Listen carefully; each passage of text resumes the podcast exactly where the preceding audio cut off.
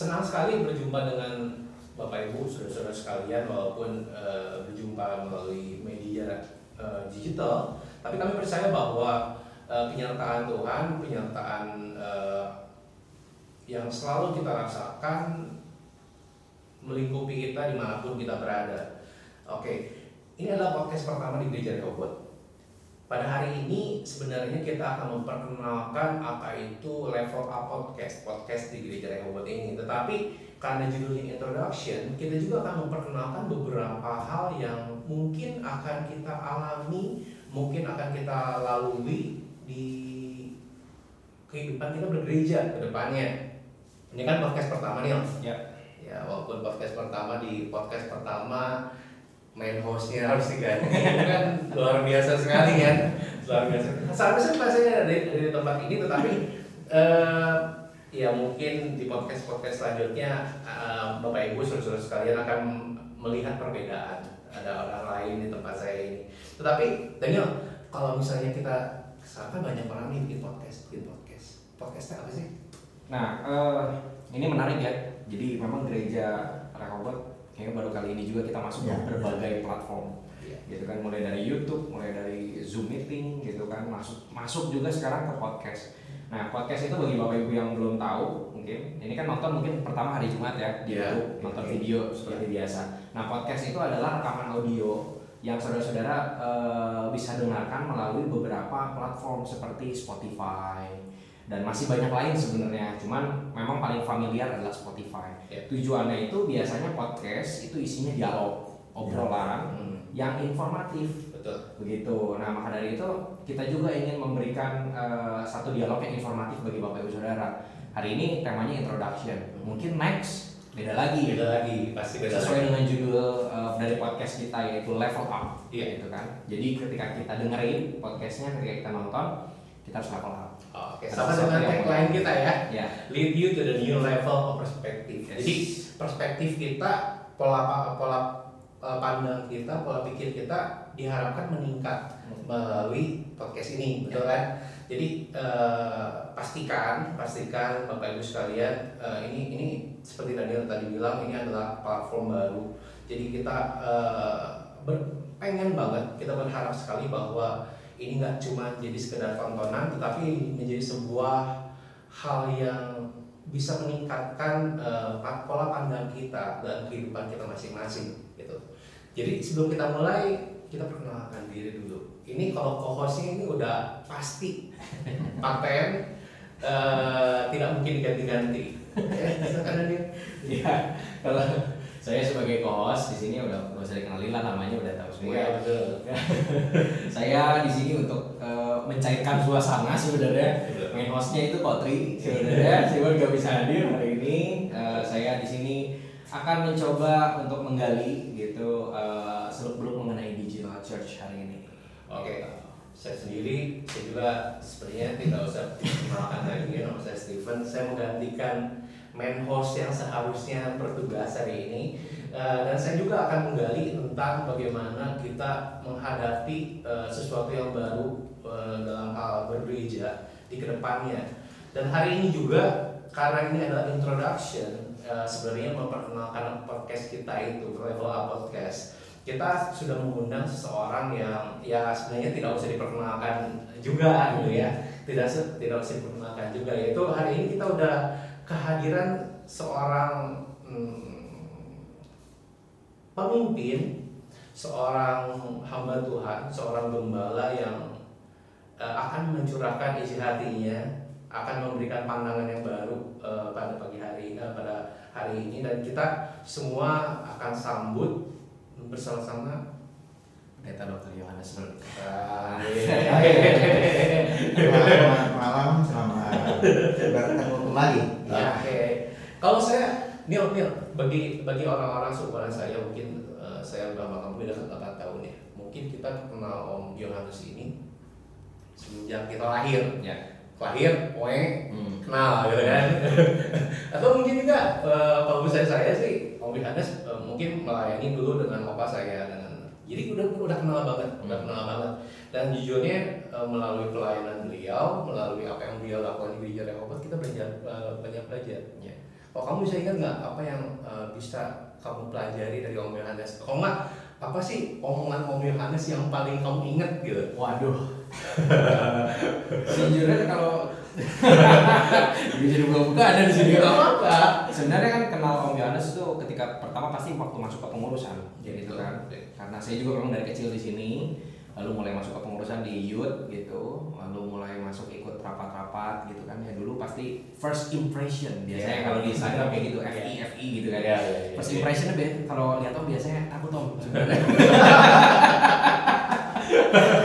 Karena uh, auranya gitu kayak galak gitu Om. Tapi sebenarnya Om ini eh, sangat memperhatikan sekali setiap domba-dombanya gitu, termasuk dengan saya. It- eh, kalau ngobrol memang nggak selalu soal pelayanan dan lain-lain, kadang bicara soal kehidupan ya Om, ya, Iya. hal-hal yang dekat gitu. Jadi ya, awalnya sebenarnya takut, cuman sekarang sekarang juga masih takut sih Om. Takut segan gitu Om. Kalau saya, kalau saya punya eh, punya pengalaman eh, lucu, sebenarnya bukan lucu ya, eh, pengalaman yang berkesan banget sama Om Yohanes. Dulu itu pas saya masih kayak kamu, kayak eh, eh, dalam pengurusan youth, terus kan kita suka dijadwal itu dua pagi suka dijadwal dua pagi. Nah waktu itu saya wakil ketua dan saya punya ketua. gitu. Hmm. Kita berdua sepaket, Hmm. jadi eh, kita dijadwal dua pagi, dua pagi bareng-bareng. Lalu dulu kan rumah saya di luar kota tuh, bukan Bandung coret ya, luar kota, kota sendiri, gitu, kota sendiri. Saya mikir, aduh, besok dua pagi jam 5 pagi nih. Saya dari rumah, pakainya harus bangun jam 4 pagi nih. Eh, bangun jam 4 pagi. Kita pasang alarm dong. Pasang alarm jam 4 pagi dengan harapan nggak nggak terlambat ya 2 pagi kan. Pasang alarm jam 4 pagi, tahu nggak gue bangun, eh, saya bangun jam berapa? Hmm. Jam 7 Dulu kan jam belum zamannya WhatsApp kan. Eh, saya BBM tuh ketua saya. Ya ketua saya kan pelayanannya bagian firman. Saya harusnya mimpin pujian. Gua kesiangan. Tadi yang gantiin pimpin pujian siapa? Om Yohanes. Gitu kan. Om Yohanes. Itu langsung pusing men. itu langsung pusing loh. Cuman ya kan kita harus punya strategi kan. Sebelum dimarahin kita harus minta maaf dulu. Ya kan? Hari Minggu ketemu gitu ya. Om, saya minta maaf kemarin saya kesiangan datang berapa pagi. Uh, Om Yohanes uh, waktu itu nggak marah kan? Nggak, Om Yohanes waktu itu nggak marah, cuma ngomong lain kali kalau kamu dikasih pelayanan kamu diperhatikan dan dihargai. Dan uh, pada saat itu saya punya perspektif yang baru tentang pelayanan Ya. Perspektif yang baru yang eh, mungkin saya sudah sharing banyak sama sama Daniel Gatot. Sekarang kalau saya dapat jadwal dua pagi, kalau hari Minggu saya nggak bisa tidur sebelumnya. Aku kesiangan, gitu. Kesiangan. Cuman eh, hal ini menarik. Hal ini menarik karena saya punya perspektif bahwa eh, begitu eh, berharganya sebuah pelayanan begitu berharganya sebuah kesempatan yang diberikan untuk melayani Tuhan dan ini juga menjadi pertanyaan pertama saya buat Om Yohanes Hmm. Ini saya tahu ya, saya tahu, saya tahu lah maksudnya eh, Om Yohanes ini kan sangat menghargai eh, pelayanan, menghargai service, sangat menghargai kebaktian. Bahkan eh, dulu berkembang tuh, kita kan tahu bahwa Om Yohanes itu sangat tidak mau mentiadakan kebaktian. Hmm. Nah, pandemik datang, Nah. COVID-19 datang, Nah. kebaktian harusnya nggak ada, jadi nggak ada. Gimana sih om perasaan om gitu kan? Om kan dulu om strict banget gitu untuk nggak bisa gitu. Saya, ada. saya masih ingat om, ini waktu pertama kali nggak ada ini kan lagi pada di Lembang kan, Iya benar. lagi benar. berangkat kan, Iya, iya. waduh itu setengah minggu itu kan, gimana nih minggu gitu kan, gimana Iya. nih perasaannya om? Begini ya, sebelum sampai masuk ke situ, tadi pertanyaan belum dijawab, ya kan? Perkenalan kan? Iya. Eh, sebenarnya eh karena tadi mulai dari Daniel dulu, jadi saya mulai dari Daniel dulu. Iya. Sebenarnya untuk eh, Daniel itu saya kenal dari dia lagi. Lucu-lucunya umur ya umur anak-anak dan terus waktu saya sering ke rumah ke rumah ke Wisari Hmm. ya ketemu Om Petrus dan bincang-bincang lah eh, untuk pekerjaan Tuhan juga untuk sedikit meriksakan kesehatannya Om gitu ya. Dan eh, di situ ada eh, dua orang suami istri yang membantu Om dengan setia. Dan saban kali ketemu, saban kali ketemu Om dan cerita tentang Bapak Suranto dan Ibu Ami selalu yang keluar itu eh, apresiasi. Wah itu buat saya tuh eh, satu kesan yang mendalam gitu ya, bahwa eh, mereka berdua itu bisa bukan hanya menjadi anggota, tetapi melayani dan bukan cuma itu, mereka tuh setia. Jadi waktu lahir waktu lahir Daniel itu Pas sama gerhana ya. nah, itu. Sederhana ya. Nah jadi eh, Om bilang udah didoakan dan sebagainya dan waktu mulai besar Om bilang ah, Om bilang Om yakin gitu ya ini dua anak ini Daniel dan Thomas itu nanti juga akan setia. Dan papa mamanya dan juga melayani. Nah gitu ya. Dan setelah itu kan sudah kan berkembang terus nggak ngikutin memang ya. Sebab cukup banyak yang harus diikuti dan muncul bukan tiba-tiba.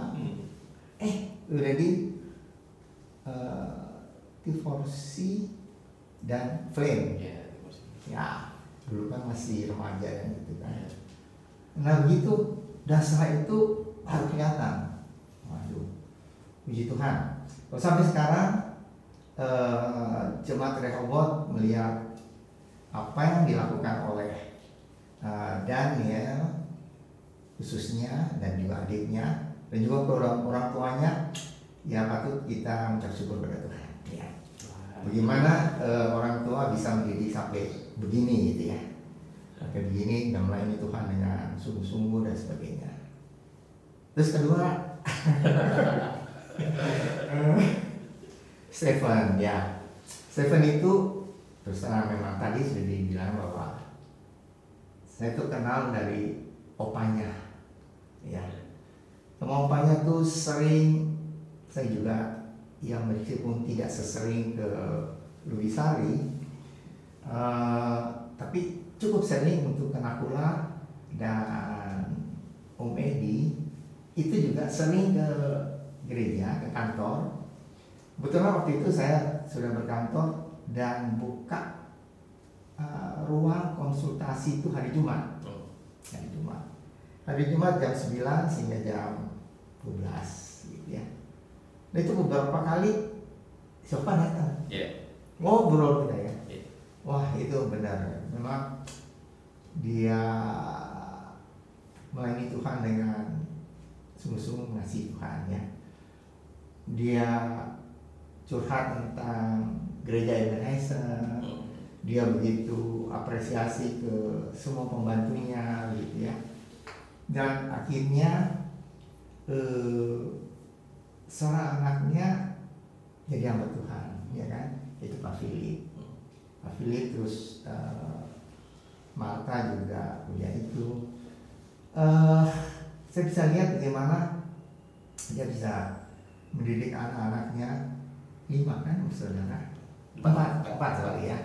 Empat. Cornelius Lydia eh, Philip Philip dan Marta ya.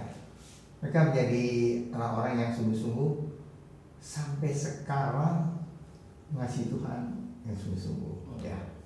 Dan itu kalau Stephen sekarang bisa melayani Tuhan seperti ini, saya kira itu adalah eh, selain didikan dari opanya ke orang tuanya, ke papinya, juga papinya maminya ke Stefan. Nah, puji Tuhan. Ya, puji Tuhan kita mempunyai uh, generasi penerus yang sungguh-sungguh masih Tuhan. Ya, ya puji Tuhan. Nah, kalau tadi ditanya juga tentang bagaimana perasaan. Wow, terus terang perasaan waktu itu uh, begitu uh, gimana ya mencekam lah sedih lah sebab pengumuman pertama yang saya umumkan itu waktu di Lembang kan? Iya. waktu kita kumpul semua dan harus lakukan mulai kita online. Tidak berbakti oleh sebab tidak berbakti di gereja oleh sebab ada uh, covid kan? Wabah covid. Aduh waktu itu terus terang. Waktu minggu bangun tidur di minggu pagi benar waktu uh, Christine ya di rumah bilang kita mau ke mana? Waktu itu kan sudah mulai kan Iya. online. Bilang ah di situ kita ke gereja. Maunya apa? Gitu. Gitu ya. Saya bilang ya kita lihat kita lihat keadaan di gereja kita lihat keadaan sekitarnya dan iya ya. Uh, Bu Gembala bilang ya kita lihat juga kalau ada jemaat yang datang yang nggak tahu dan kita bisa ya ngobrol atau apa gitu ya dengan jemaat itu. Eh benar ada Hmm. yang dari Cimahi. Hmm, datang ke sini. ya dia nggak dengar pengumuman dia nggak ada ini terus eh dia datang. Nah begitu. Jadi memang benar-benar kehilangan. Terus terang memang itu satu pesan dari bukan pesan saja saya lihat apa yang dilakukan oleh orang tua ya dulu itu nggak pernah dulu aja ada ada eh, permesta permesta tuh itu lebih lebih lagi ya itu dor-doran. Hmm. itu kebaktian tengah minggu masih dibuka Oh. bisa sampai gitu dan waktu itu saya tanya loh kayak ini kan bahaya bom meletus tuh senjata bunyi terus itu gimana? Terus Fabi cuma bilang ya kita lihat. Kalau ada satu orang datang di gereja dan mau didoakan pada saat itu dan gereja ditutup itu gimana? Hmm. Eh benar. Benar nih waktu itu kita di gereja ya biasa kan? Tapi nunggu dan itu beres-beres di gereja. Benar. Ada dua orang datang. Dia kemukakan curhat ke lembaga sidangnya Papi terus didoakan. Dan mereka waktu pulang rasanya tuh senang gitu Iya, ya. iya. jadi sejak saat itu saya bilang eh, haram kalau gereja ditutup, Iya. Iya, iya. gereja tidak ada kebaktian itu ya. Jadi mau berapa juga yang datang kita kebaktian. Kalau terlalu sedikit ya kita bisa doa, Hmm. kita bisa doa bersama-sama. Jadi memang perasaan waktu itu wah begitu sedih sehingga waktu kita turun di mobil ya ceritanya cuma itu isinya lu gimana gitu ya kok bisa begini Iya, iya. Dan puji Tuhan ya semua bisa berjalan sampai sekarang nah begitu Soalnya kalau dihitung-hitungnya deh, kita kita tuh udah online tuh 15 minggu. Ya. 15 minggu itu udah itu lama banget gitu, lama banget gitu ya. Lama banget. Jadi begitu hebatnya pandemik ini sampai membuat kita harus eh, kita punya pola pandang baru bahwa ya eh, gereja adalah kita gitu. Kita harus punya punya semangat untuk membangun diri kita sendiri. Ini kan Om dokter nih, Om dokter sharing sedikit tentang COVID, Om. iya. sharing sedikit sedikit tentang COVID dan sebahaya itu kah? ya memang untuk covid ini memang satu virus yang eh, baru ada di dunia ini sebenarnya virus untuk flu corona itu sebenarnya sudah ada sudah ada tapi efeknya tidak seperti ini Hmm. Sebenarnya untuk virus corona itu ada tiga jenis. Ya, tipe A itu punya hanya satu amino acid uh, tubuhnya. Itu adanya di Amerika, Amerika dan uh, negara-negara Barat. Dan itu gejalanya seperti flu biasa gitu. Dan itu mudah disembuhkan seperti flu kita. Hmm. Kita makan obat anti flu juga sembuh. Tipe kedua itu adalah tipe dengan empat Hmm. empat asam amino. Nah, kalau dibilang dari ketemunya virus dengan satu asam amino dan terjadi empat asam amino di dalam satu tubuh dan itu terjadinya di Wuhan. Hmm. Kita nggak mau bicara politik ya. Iya. Tapi kalau itu hanya terjadi secara, secara alamiah, itu rasanya tuh eh, bukan saja nggak mungkin, tapi membutuhkan waktu gitu. Iya. Dia mutasi sampai empat. Nah itu kalau begitu cepat dan itu jadi langsung empat, sehingga itu apa yang terjadi di Wuhan kita tahu oh, nyebar ke mana-mana semua. Dan yang tipe yang ketiga adalah satu virus yang adanya di eh, mana? Yang ada di Singapura, Hong Kong dan sebagainya. Dan itu yang menyebar ke Eropa. Tapi eh, kita lihat ya, memang virus ini penyebabnya menyebabkan satu penyakit yang begitu mengerikan. Ya. Jadi dia menyerang eh, paru-paru dan paru-paru kalau sudah diserang oleh itu dia menimbulkan satu penyakit infeksi paru-paru yang berat sekali. Iya. sehingga paru-paru itu kita tahu paru-paru itu ada hmm, eh, saluran kita bilang bronkus, bronkioli dan sebagainya itu tersumbat. Tersumbat dengan lendir yang begitu pekat yang mungkin sudah dilihat di televisi dan sebagainya. Dan itu menyebabkan cepat menyebabkan kematian nah begitu sehingga kalau masih ringan kita bisa pakai ventilator tapi kalau sudah terlalu berat maka dia akan meninggal. Seperti orang kecekik paru-parunya udah bisa kerja lagi dan orang itu meninggal. Dan begitu cepat dan memang kalau ada predisposisi jadi artinya orang itu sudah mempunyai penyakit jantung saya kira itu. Jadi dan sampai sekarang memang itu belum ada vaksin dan obatnya. Vaksin dan obat. Memang sih.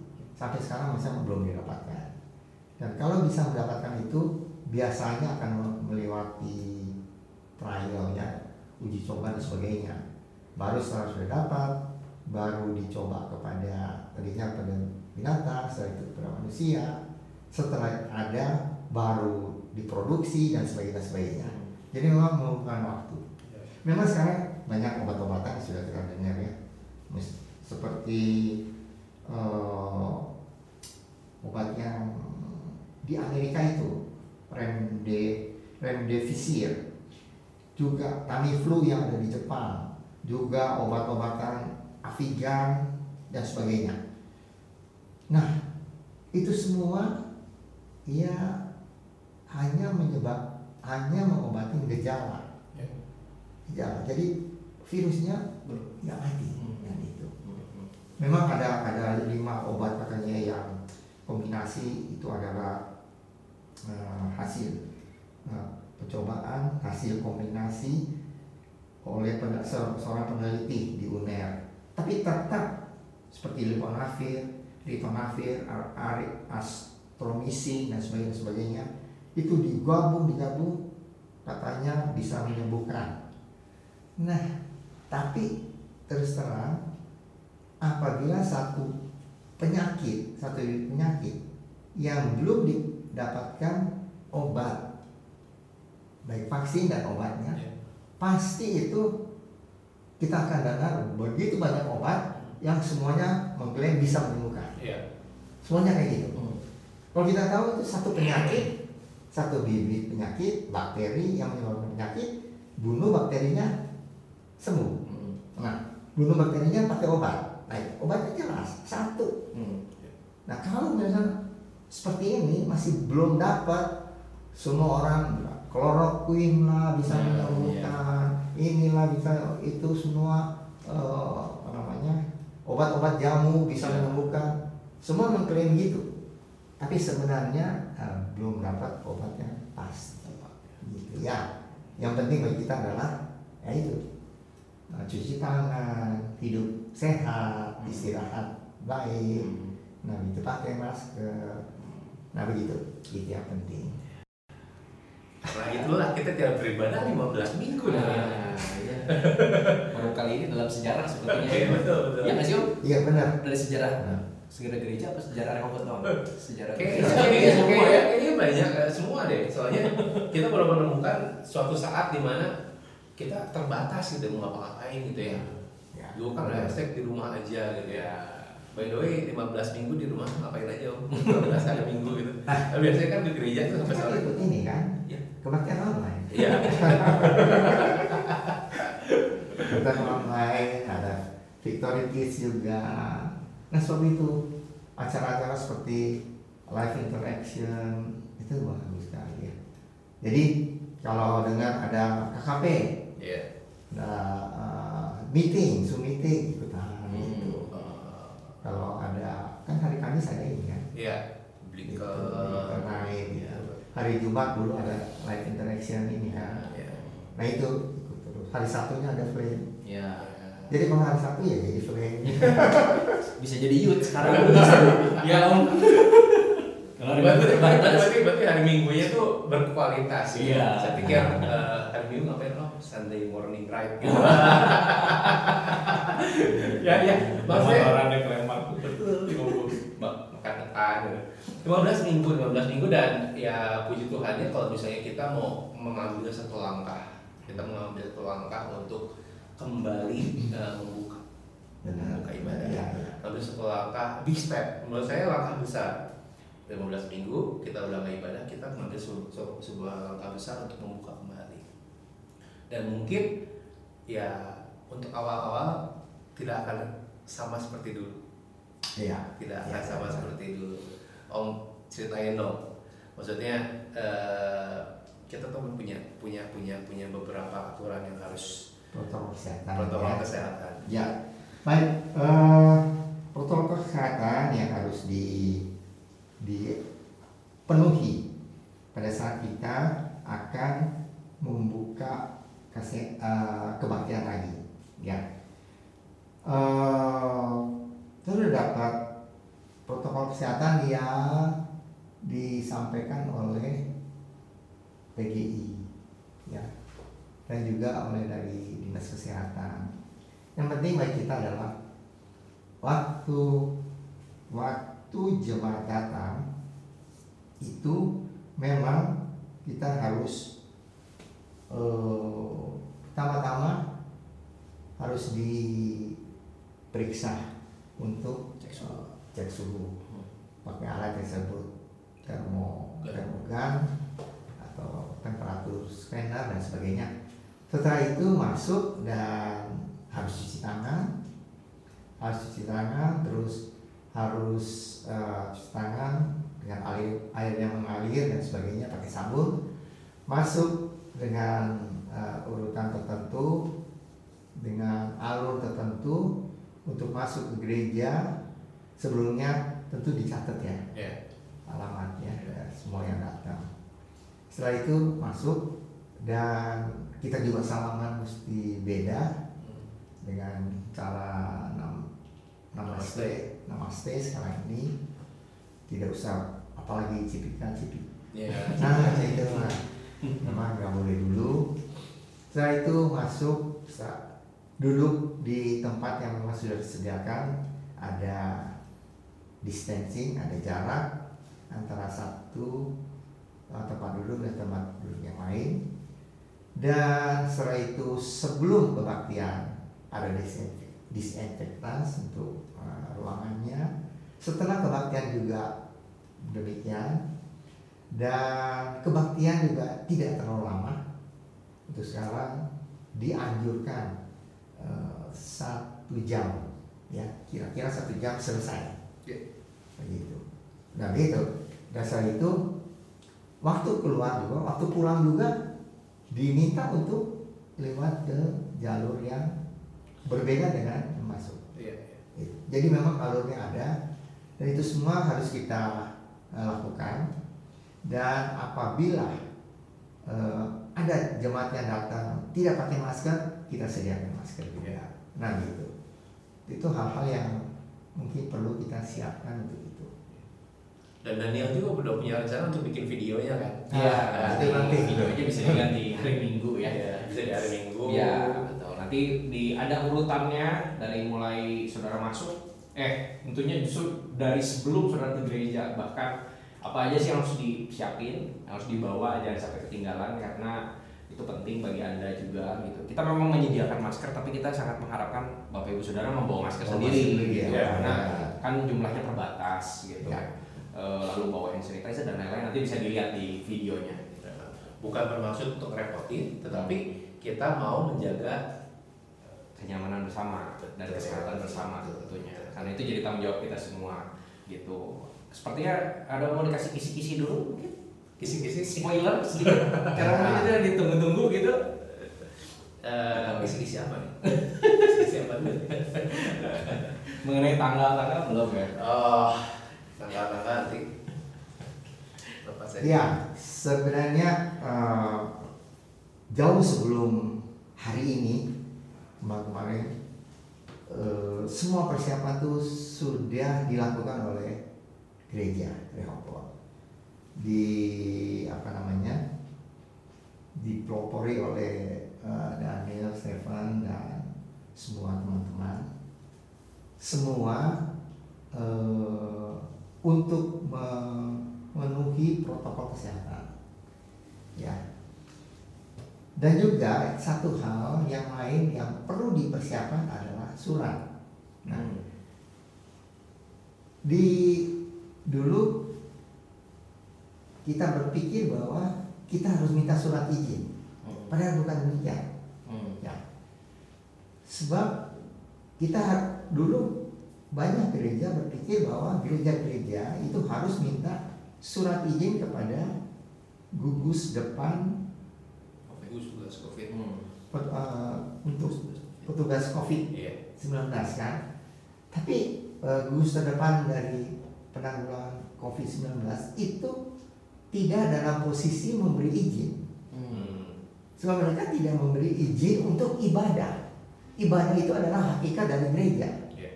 Jadi dalam hal ini uh, gereja itu mengajukan satu surat, satu surat bahwa kita siap untuk ibadah pada satu tanggal dengan semua ketentuan protokol kesehatan kita sudah penuhi.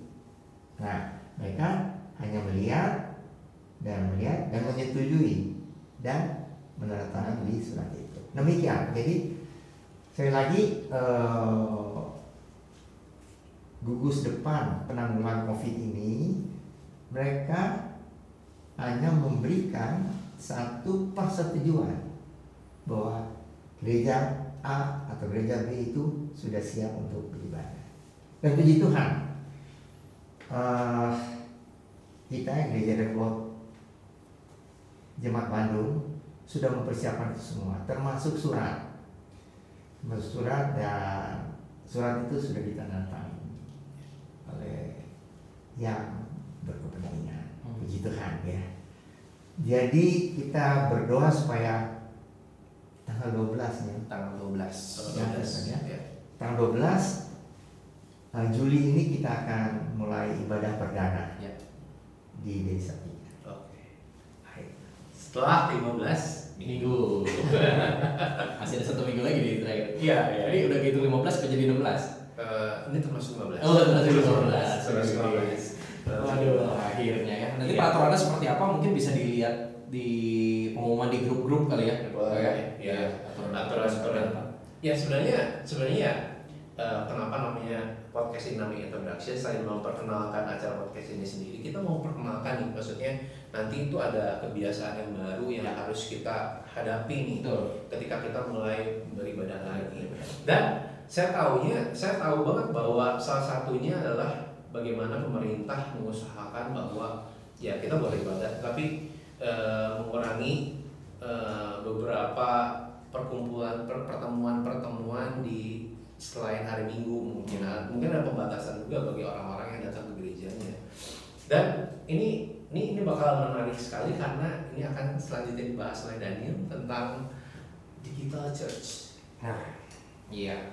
Ini kan yang menarik itu seperti ini om.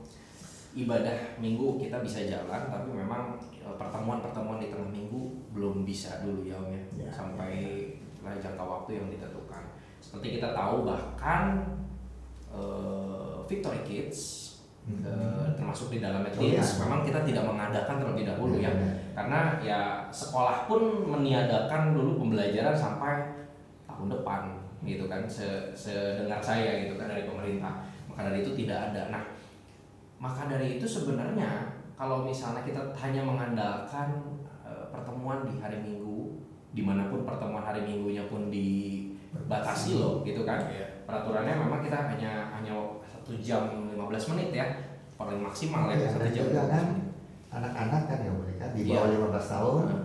dan lansia Hmm. ya begitu mungkin pasti banyak jemaat yang sebelum ini sebelum terjadi pandemi kan mungkin banyak sekali uh, engage salah satunya Ya. contoh saya biasa ikut kelas core saya biasa ikut Sharon saya biasa ikut KKP KKW lalu ternyata semua terbatas pertemuan offline hanya sejam se- seperempat gitu kan sejam 15 menit jadi memang sangat penting sekali satu pertemuan di luar hari itu nah karena tidak bisa kita selalu memprovide gitu kan sudah sudah eh, apa namanya jemaat gitu kan dengan konten-konten gitu. Iya. Nah, maka dari itu bisa dibilang kita menuju gitu kan kepada yang namanya digital church gitu. Nah, menurut Om seperti apa nih Om gitu eh, mengenai digital digital church ini gitu kan? Kan tengah minggu nih nggak ada dulu gitu kan, tidak ada dulu. Iya sebenarnya eh, digital church ini adalah satu sarana yang penting sekali harus diadakan oleh gereja pada saat-saat seperti ini. Iya. Jadi hubungan dengan jemaat, relasi dengan jemaat itu bukan seperti tadi bilang kan, Hmm. cuma satu jam atau satu jam lebih sedikit, Hmm. Tapi terus terus menerus kita ada hubungan gitu. Ya. Relasi itu harus tetap dipertahankan.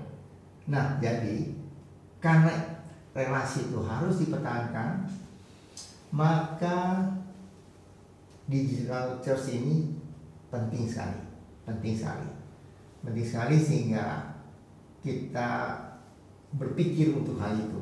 Ya, bentuknya apa nanti akan diterangkan oleh Daniel atau oleh Stefan.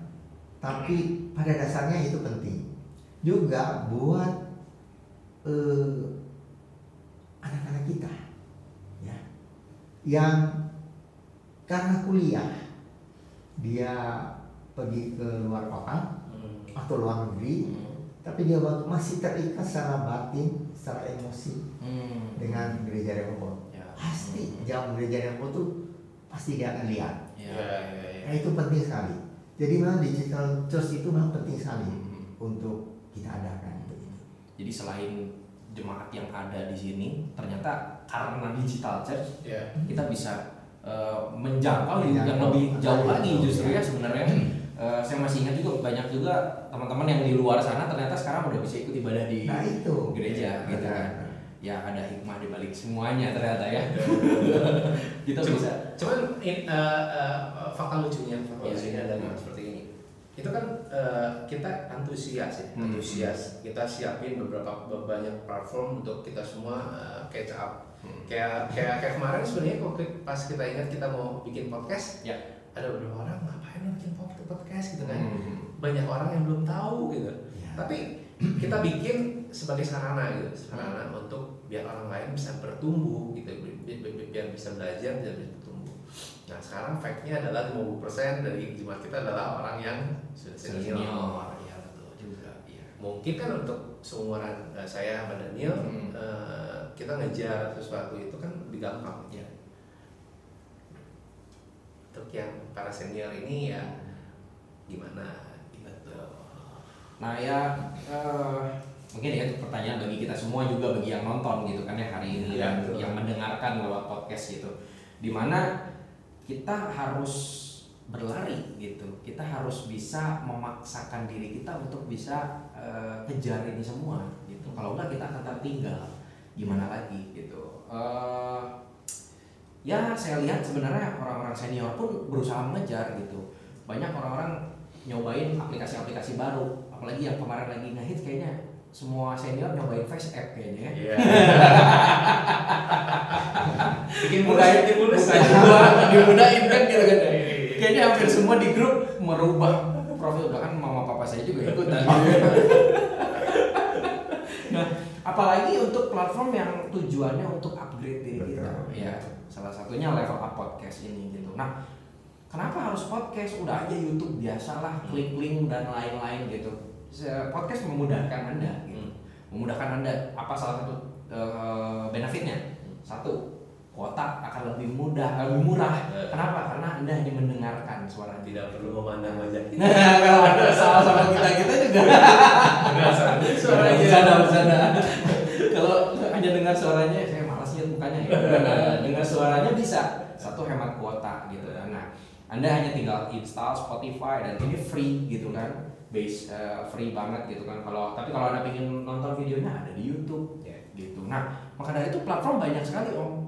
Kenapa? Karena fungsinya beda-beda gitu. Nah ini aku menjelaskan dari sisi eh, digitalnya gitu ya. Kenapa ada yang YouTube? Nah YouTube itu tujuannya apa? Biar semua orang bisa melihat secara mudah aksesnya gitu. Itu tujuannya apa? Umum. Kenapa Zoom? Zoom itu terbatas berarti. Artinya apa? Orang-orang yang di-invite saja yang Ya. boleh masuk ke dalam Zoom. Hanya kalangan tertentu saja. Kita nggak bisa karena tiba-tiba orang dari mana pingin lihat, ya nggak bisa. Dia harus tahu ID-nya, dia harus tahu passwordnya.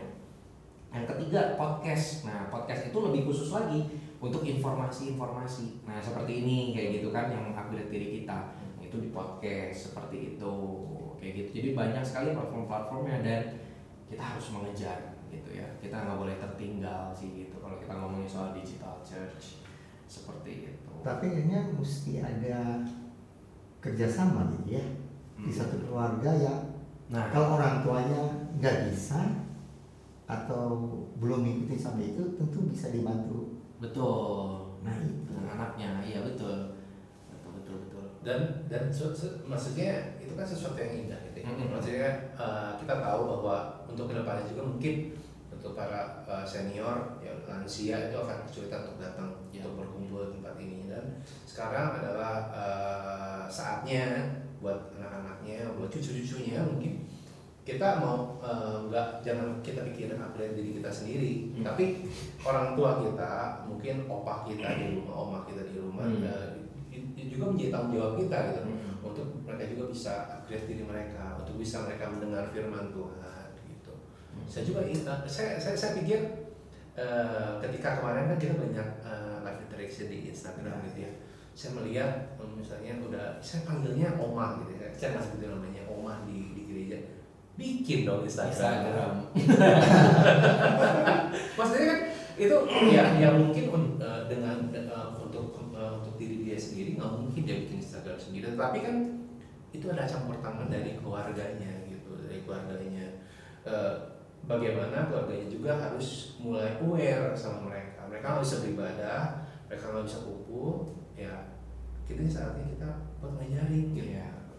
buat ngajarin Jadi ke depan kan banyak sekali ya, ada core mungkin Hmm. gitu kan dan pertemuan-pertemuan lain. Ya. Fondasi kekristenan mungkin kan ada beberapa orang yang ingin dibaptis dan lain-lain mungkin itu bisa jadi jawaban ya. Kalau kita tidak bisa ketemu Iya. offline, itu kan kita harus online dong. Masa kita ya udah nanti aja dibaptisnya, enggak nanti aja deh saya bertobatnya kan gimana? Eh tapi ini juga Pak, yang menikah juga loh. Nah, iya juga. Pranikah tapi dia nggak bisa ikut.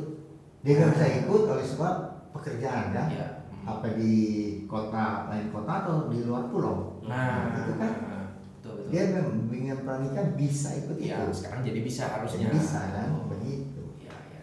ya dan ya saya pikir sih akan sangat menyenangkan bukan menyenangkan sih akan se- akan Mempermudah. sangat mempermudah kita semua akan mempermudah semangat juga untuk uh, catch up saya sih sangat sangat mengutamakan uh, engage ya engage antara biasanya kan uh, tante-tante itu ibu-ibu hari Jumat pasti ke KKW gitu kan mesti wah itu mah mesti aja. Dan kita pengen KKW tetap ada walaupun tengah minggunya nggak ada ya gimana mungkin nanti suatu saat akan ada zoom meeting gitu.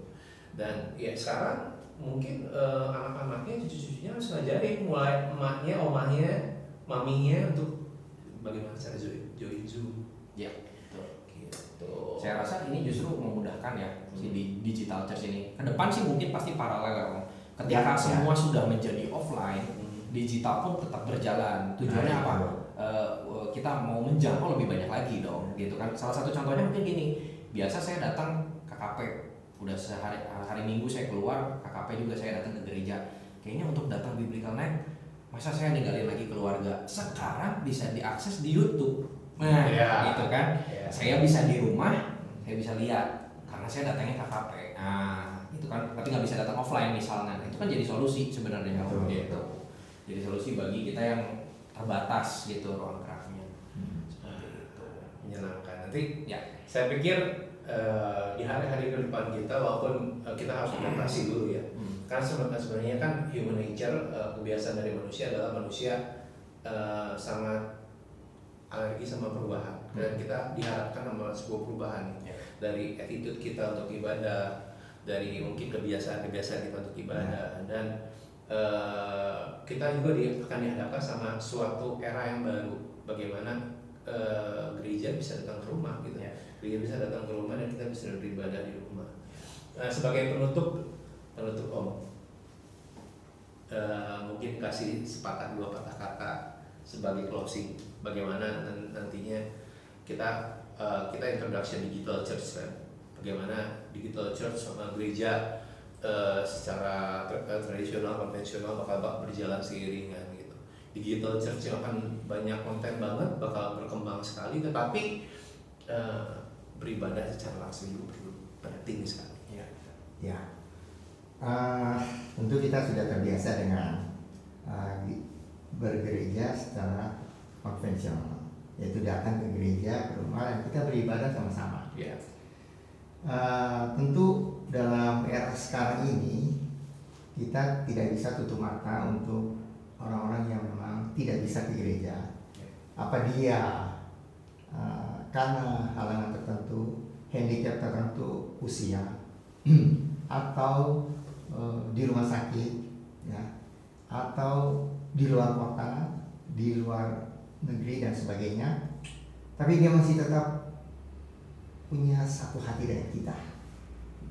Nah itu pasti kita akan menjangkau mereka juga, begitu ya. Dan kalau misalnya hal seperti ini yaitu digital just bisa di kita bisa dicetuskan dan kita bisa lakukan itu itu suatu hal yang indah sekali, baik sekali. Jadi eh, kita bisa lebih banyak lagi baik yang ada di kota Bandung atau yang tidak di luar kota Bandung, di luar negeri atau dalam keadaan tertentu handicap tertentu sehingga tidak bisa berbakti sama-sama kita bisa masih bisa menjangkau mereka. So itu itu penting sekali, penting sekali. Kalau menurut saya itu satu hal yang urgent, Ya. urgent yang kita harus lakukan sekarang. Uh, dan puji Tuhan melalui masa seperti ini 15 minggu. Kita dengan membuahkan hasil satu pemikiran yang ya menaikkan level ya. cara ibadah kita. Nah, itu suatu hal yang positif buat kita. Dan tentu secara pribadi saya memberikan apresiasi. Dan selain itu juga eh, podcast yang juga akan dimunculkan itu juga memberikan informasi Ya. informasi untuk kita semua Ya, jadi nanti kita digital church akan berkembang dan banyak konten tetapi ya jangan lupa ketika saatnya kita udah bisa beribadah bareng semua kita harus mementingkan kita harus pentingnya juga ketemuan secara engage secara langsung Ya. gitu. karena ya sebenarnya tadi om saya menarik sekali bahwa 15 minggu ketemu ketemu nanti mungkin tanggal 12 nanti itu ketika kita mau mulai ada beberapa tanda-tanda yang nggak nggak sabar yang cipika-cipiki sebenarnya. Cuma kan kita harus ngerem gitu kan. Kita harus ngerem dan ya itu itu itu uh, bagi saya adalah salah satu indahnya dari bergereja. ya Oke, terima kasih Om buat di uh, buat udah datang di podcast pertama ini. Hmm. Mudah-mudahan Sama-sama. kasih informasi yang luar biasa bagi kita semua ya. Dan eh, mengingatkan buat Bapak Ibu sekalian, kalau misalnya Bapak Ibu sekalian sekarang nonton di YouTube eh, hari Jumat tanggal 3 Juli jam 7 malam, besok pagi eh, Bapak Ibu sekalian bisa mendengarkan eh, podcast ini secara mm, langsung juga di Spotify. Spotify mulai jam 7 pagi ini lihat jam 7 pagi di Spotify Gereja Rehoboth Jemaat Bandung. Jadi Spotify itu gratis Bapak Ibu sekalian bisa masuk aja bisa download tuh Spotify-nya dan di situ akan banyak eh, konten-konten yang akan kita masukkan juga ke Spotify selain podcast ini Ya. selain podcast ini ya terima kasih Daniel buat kesediaan jadi co-host juga Terima kasih main host cadangan Iya. kita. Terima kasih Patri untuk merepotin saya dan terima kasih juga buat Pak Leo yang ada di bawah ini mungkin bisa juga diubahkan tangannya ke kamera Pak. Ya siap Eh, untuk membantu dalam dalam soundnya dan eh, doa kami harapan kami eh, podcast ini bisa membawa Bapak Ibu sekalian menuju sebuah perspektif yang baru dalam keseharian dan pemikiran Bapak Ibu sekalian. Ya. Om boleh tutup doa Om Baik, ayo. Mari kita berdoa bersama-sama. Terima kasih Tuhan untuk berkat Tuhan dari kami semua. Satu hal yang baru yang akan kami lakukan di dalam digital church yang akan Tuhan kami lakukan, kami adakan mendampingi eh, bergereja secara konvensional. Mari Tuhan, supaya semuanya itu boleh terlaksana dengan baik dan berkat Tuhan. Dan juga Tuhan untuk podcast yang akan disiarkan yang memberikan banyak informasi bagi kami semua. Mari Tuhan supaya semuanya ini boleh berjalan bersama-sama semuanya itu untuk memenangkan jiwa bagi kerajaan surga dan kemuliaan Tuhan saja yang kami tinggikan. Terima kasih Bapak. Kau berkati semua yang sudah mempersiapkan siaran ini berkatmu dari surga. Kami percaya Tuhan Engkau sudah mendengar doa kami ini dalam nama Tuhan Yesus Kristus. Kami sudah berdoa dan mengucap syukur. Amin. Amin. Sampai jumpa di uh, seri kedua dari podcast ini bulan 4 bulan Agustus dan tentunya nantikan sebuah topik pembicaraan yang sangat menarik di podcast podcast kita selanjutnya. Selamat malam, selamat pagi, Tuhan Yesus memberkati.